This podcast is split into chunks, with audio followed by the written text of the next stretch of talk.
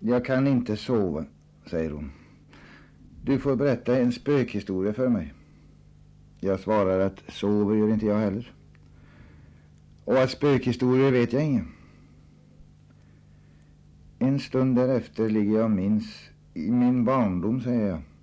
Usch, nej, ingenting från din barndom. Det brukar vara så trist alltihop. Inte det här, säger jag. Det här är inte trist. Du skulle förresten ha sett den lilla orgelfabriken och orgelfabrikören. Han hette Gustafsson.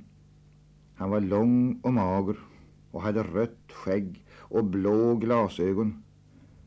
Usch. Ja, utanpå syntes det kanske inte att han hade ett gott hjärta. Men det hade han. I vår gata, vår och orgelfabrikörens gata, spelte vi Diabolo den sommaren. Den hösten. För kvällarna var mörka. Lampan brann över svarvstolen där han stod och förfärdigade nya pjäser åt oss. Några speltes ju alltid bort. Och så kom det fler ungar som inte fått någon än. Och Gustafsson var godhjärtad som sagt. Varken med tid eller virke var han snål. Kväll efter kväll skockades vi omkring honom vill jag minnas. Och kväll efter kväll var han lika beredd. Knirk, knark, knirk lät det när han trampade svarven igång. Och fritte, fritte, frutt när järnet begynte skära i trästycket. Just den timglasformen som sen blev till. Och doften av spånorna och det röda skägget som vippade i lampskenet.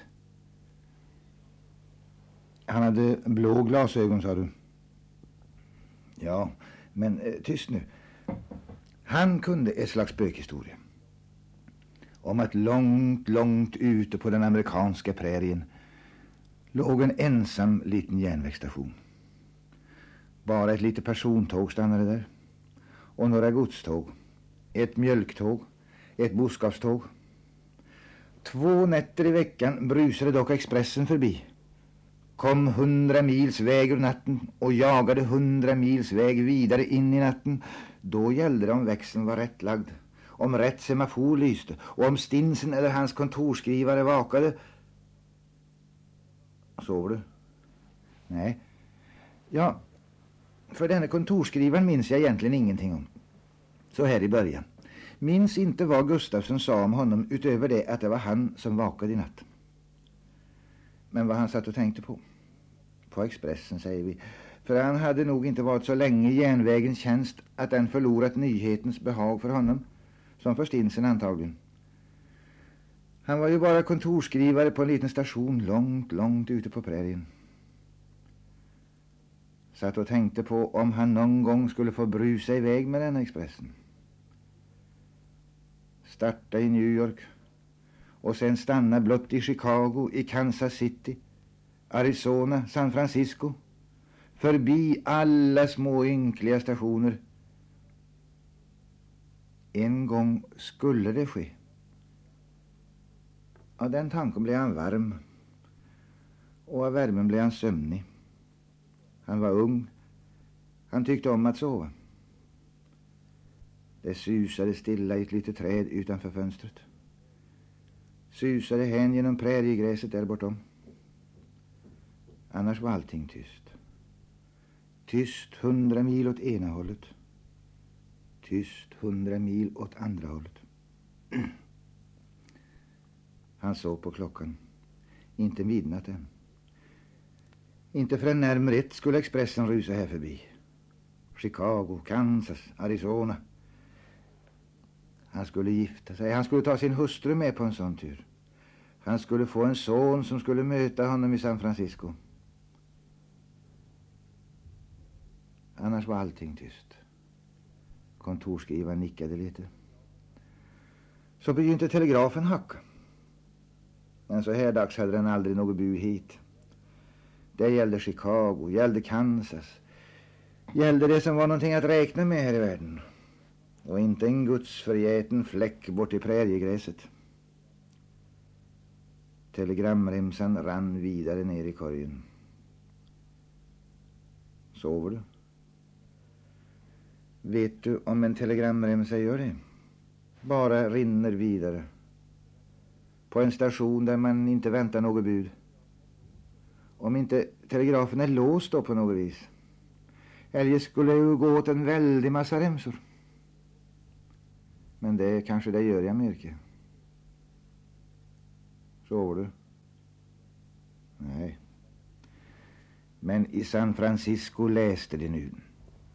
Där brann tusen lampor i väldiga kontor, i väldiga väntsalar, i en väldig hall.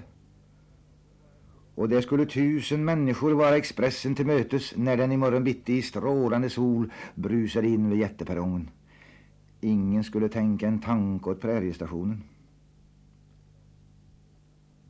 Telegrafen småhackade. Ja, det minns jag hur Gustafsson berättade. Hur envist den hackade för att vara så här dags. Om och om igen. Och alldeles samma signal. Det kunde kontorskrivaren höra rätt in i halvsömnen där han satt. Plötsligt spratt han till. När hackningarna begynte på nytt inleddes det med en signal att nu gällde det alla stationer. Nu gällde det honom ute på prärien. Och så budskapet Giv akt på kistan. Där blev det en paus. Men sen kom det tre gånger i följd. Giv akt på kistan, giv akt på kistan, giv akt på kistan. Åh nej. Det var nog Kansas det gällde. Här blir det bara gåtor av allt som de stora sysslade med. Hundra mil, eller åtminstone 50 mil härifrån skulle han om någonting skulle hända. Och telegramremsan rann vidare. Nu var han dock inte sömnig längre och inte kunde han bara sitta stilla heller. Han började trava fram och åter över expeditionsgolvet. Från biljettskåpet till telegrafen. Från telegrafen och fördömda apparat förresten. Nu tog den om på nytt. Giv vakt på kistan, giv vakt på kistan.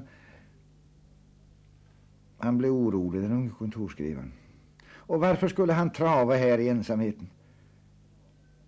Fast därom visste ju telegrafen inte ett besked. Och Som för att tydligt visa det så tystnade den. Klockan slog tolv.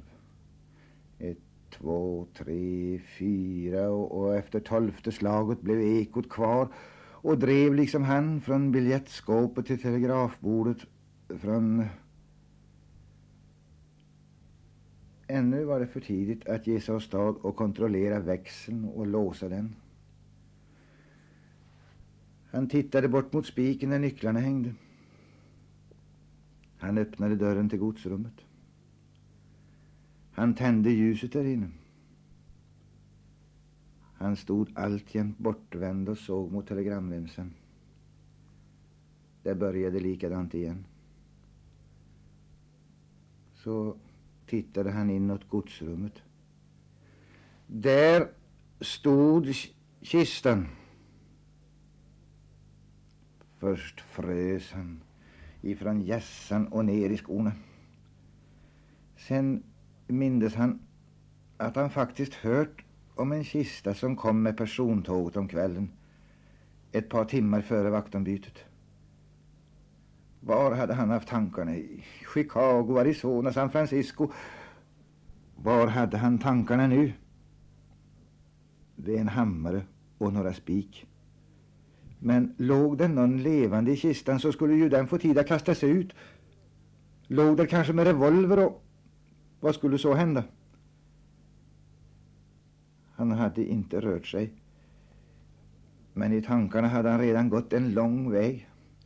Hade övergivit hammare och spik och nått bort under blanketthyllan. Där låg ett bestant rep.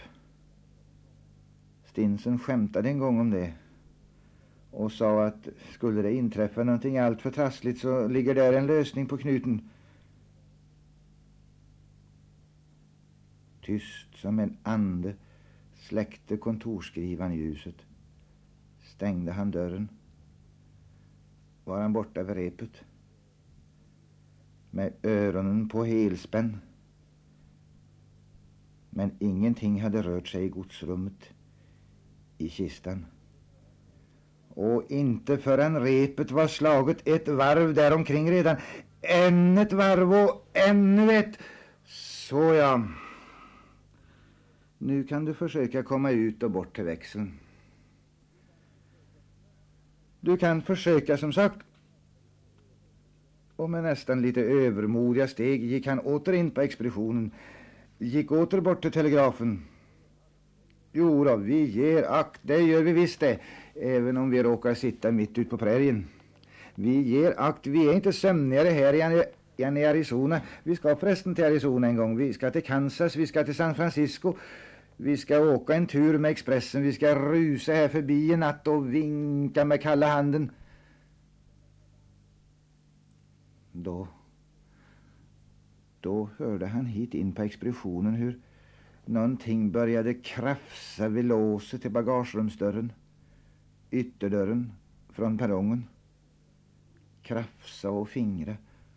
Och några sekunder därefter, så mycket som en minut var det säkert inte, hörde han hur en såg en förunderligt tyst såg förresten. Vill ju inte äta sig in i träet runt låset. Såga, såga. Inte i långa tag, nej i små ryck, små stötar. Det var förunderligt att kura här och lyssna till hur bra han arbetade, han där ute. Att åter smyga in i bagagerummet och se. För nu lyste sågbladet i mörkret. Nu skulle låset snart vara rundsågat. Nu skulle det ramla in i bagagerummet. Det gjorde det inte. Det togs försiktigt, försiktigt ut med handtag och nyckeln från insidan och, och allt. Och en arm, en hand och en arm stacks in och trevade upp emot regeln. Men nu skedde också det att kontorskrivaren Snabb som en prärieiller var framme vid dörren och hängde sig fast i armen, i handen som tjovade efter regeln. Armen som nu ryckte och ryckte en liten stund, allt medan små rop av smärta, små stönanden, små svordomar hördes i en staccato ström där utanför. Och nu sparkade det i kistan, muttrade i kistan, svor i kistan. Men eh, domnad, redan orkeslös, hängde armen nedåt för kontorskrivarens hela tyngd. Orkeslös blev muttrandet, blev sparkarna i kistan. Ja, ge dem med sparkarna du. Vem du så må vara. Du ligger ändå där du ligger. Den hampan du har kring dig tänjer sig inte i första taget. Och vänj dig vid din kommande boning. Vad hade du där att göra förresten i förtid? Och ryck inte mer du arm. Ryck inte, säger jag. Rigeln ska du ändå aldrig nå. Och här är dessutom en järnbalk. Känner du den? Din handled skaver mot den nu, men jag ska inte släppa dig. Du ska aldrig komma åt att försöka lyfta på den. Så ryck inte mer. Och har du revolver så får du aldrig kulan genom en så bastant dörr som denna. Men jag ska akta mig för att få huvudet i jämnhöjd med låsöppningen. Jag ska rycka, jag ska dra. Så ja. Nu är det ingen plats för revolverpipan längre. Och fram till fönstret når du inte om du än sträcker dig aldrig så mycket. Och du, kamrat i kistan, du hörde vad jag sa? Det är ett mäkta segt rep, ska du veta. Egentligen just ett sånt som man hänger tjuvar i. Men växeln och en sekund, en halv sekund tänkte kontorsskrivaren att så fick han i alla fall släppa taget och rusa bort och få tag i nyckelknippan och Dock blott en halv sekund. Han hängde kvar i armen. Han höll ögonen med kistan. Bara i tankarna löpte han bort över skenorna, väntande på pistolskottet i nacken. Kännande hur han i samma nu som det brann av skulle slå ansiktet i en kall räls. Han hörde sitt hjärta slag. Han hörde klockan ticka. Armen hade slutgiltigt domnat. Muttrandet i kistan dött. Nu! Åh, store Gud, så länge hade han alltså hängt där. Nu hördes tåget Långt, långt borta visserligen. Det skulle ta mycket tid än innan det var här. Han skulle hinna ställa med växeln, hinna kontrollera semaforn flera gånger om och ändå skulle det vara långt borta. Många mil borta. Men det kom i alla fall närmre. Närmre med var sekund som föran. Dunker i dunker i dunk. Och förresten liksom skenade det förbi ljudet. Som en ilning var det framom dunket än en mil och än en mil. Och där stod lokomotivföraren och var så säker på att alla växlar låg som de skulle ligga. Att alla semaforer brann som de skulle brinna. Och i sitt anletes svett brassade eldan på. Han hade bråttom till San Francisco han också. Hektolitervis rasade kolen ner ur tänderna och in i ungskapet. Och i bakersta vagnen satt konduktören och petade naglarna. Eller läste i en tidning. För nu sov hela hans människolast. Nu hade han inget att göra förrän imorgon bitti. När han nytvättad och fin skulle gå och hälsa god morgon fram genom vagnarna. Närmre och närmre aningslöst fram på stålskenorna genom präriegräset som då böjde sig en extra gång, böjde sig djupt för en vindstöt som var starkare eller i vart fall lika stark som präriens storm. Och ändå hang han kvar här. Hur skulle detta sluta? Och vad ville de tjuvarna? Tjuven i kistan och tjuven utanför dörren. Vad vill du, frågar han. Vad vill ni? Vad, vad är det ni tänkt göra? Han får inget begripligt svar. Bara lite mer jämmer och, och så en helt idiotisk bön om att släpp mig. Du har förstört högra armen på mig nu. Nu kan jag ändå ingenting göra. Släpp nu, säger jag. Eller ge åtminstone efter en liten bit så här blir rum för revolvern så, så ska jag sticka in den till dig så, så blir du väl nöjd och så kan du låta mig löpa sen. Det kan vara straff nog att jag aldrig ska kunna bruka högra armen mer och, och så har du ju den andra jäveln, han som ligger i kistan. Kan du inte nöja dig med den? Nöja mig, sa du. Hör du tåget? Närmre och närmre kommer det och jag skulle ha varit och låst växeln nu, varit och kontrollerat semafon. Vad har ni gjort åt dem? Hör du hur det brusar mot oss? Det är på väg hit, ser du. Hit i undergången. Här ska det spåra ur. Här ska vagnarna bli till flisor när de i full fart kör åt helvete till. Här ska dö en hop människor i natt och så vill du jag ska släppa. Nej du, nu hänger jag kvar tills det kommer. Alltid blir det väl någon levande över.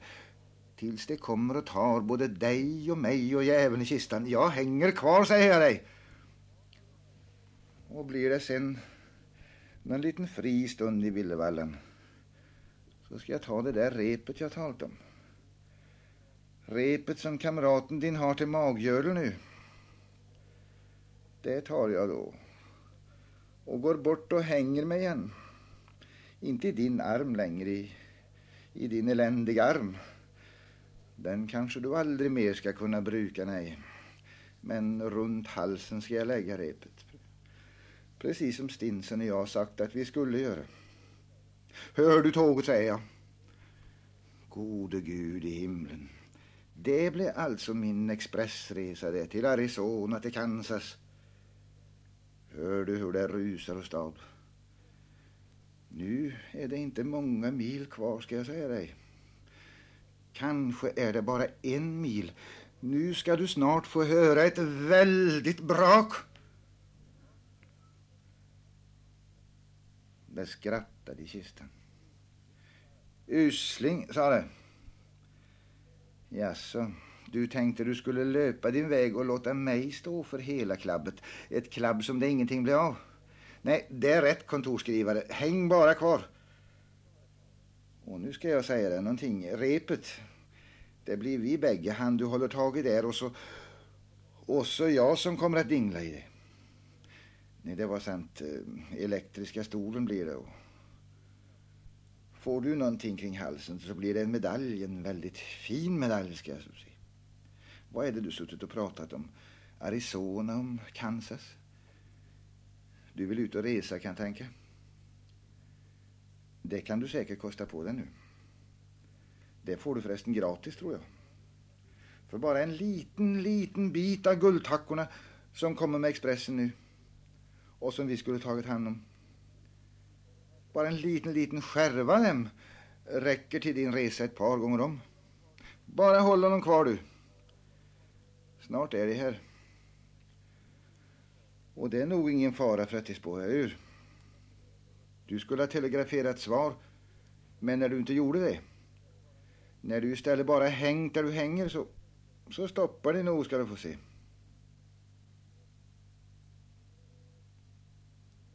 Som i en dröm hörde kontorsskrivaren denna berättelse.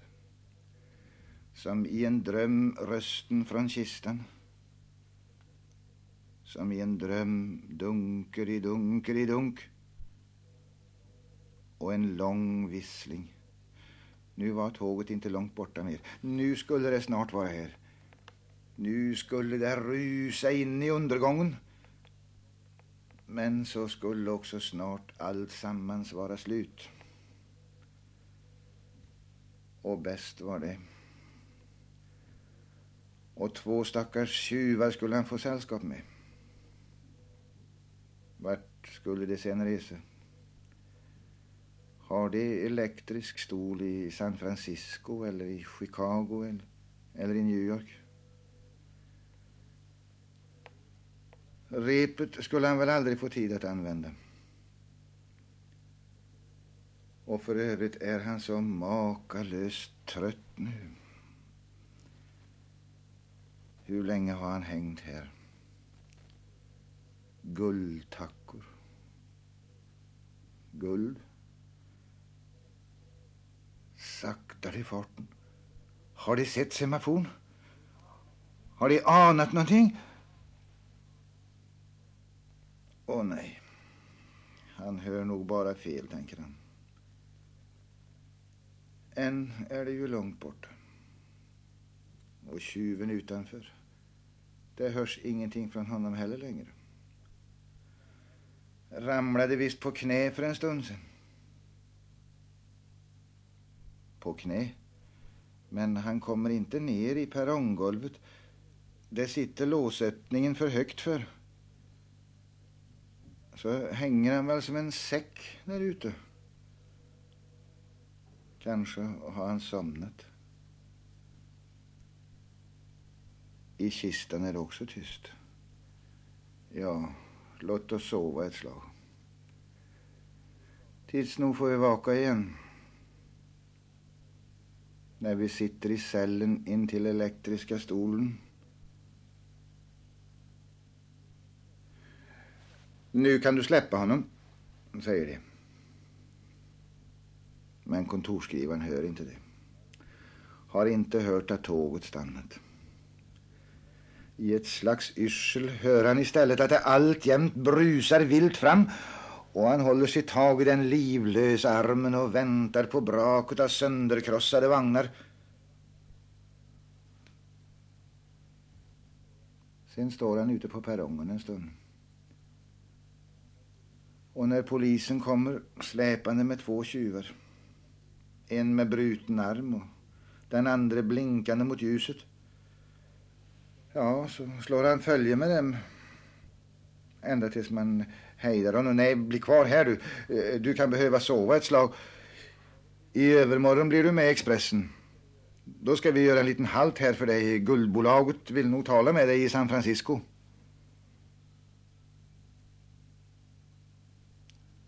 Kontorsskrivaren tycks inte förstå så mycket av det. Han är snarast lite underlig. Det är utseendet också förresten. Hans hår har vitnat i natt.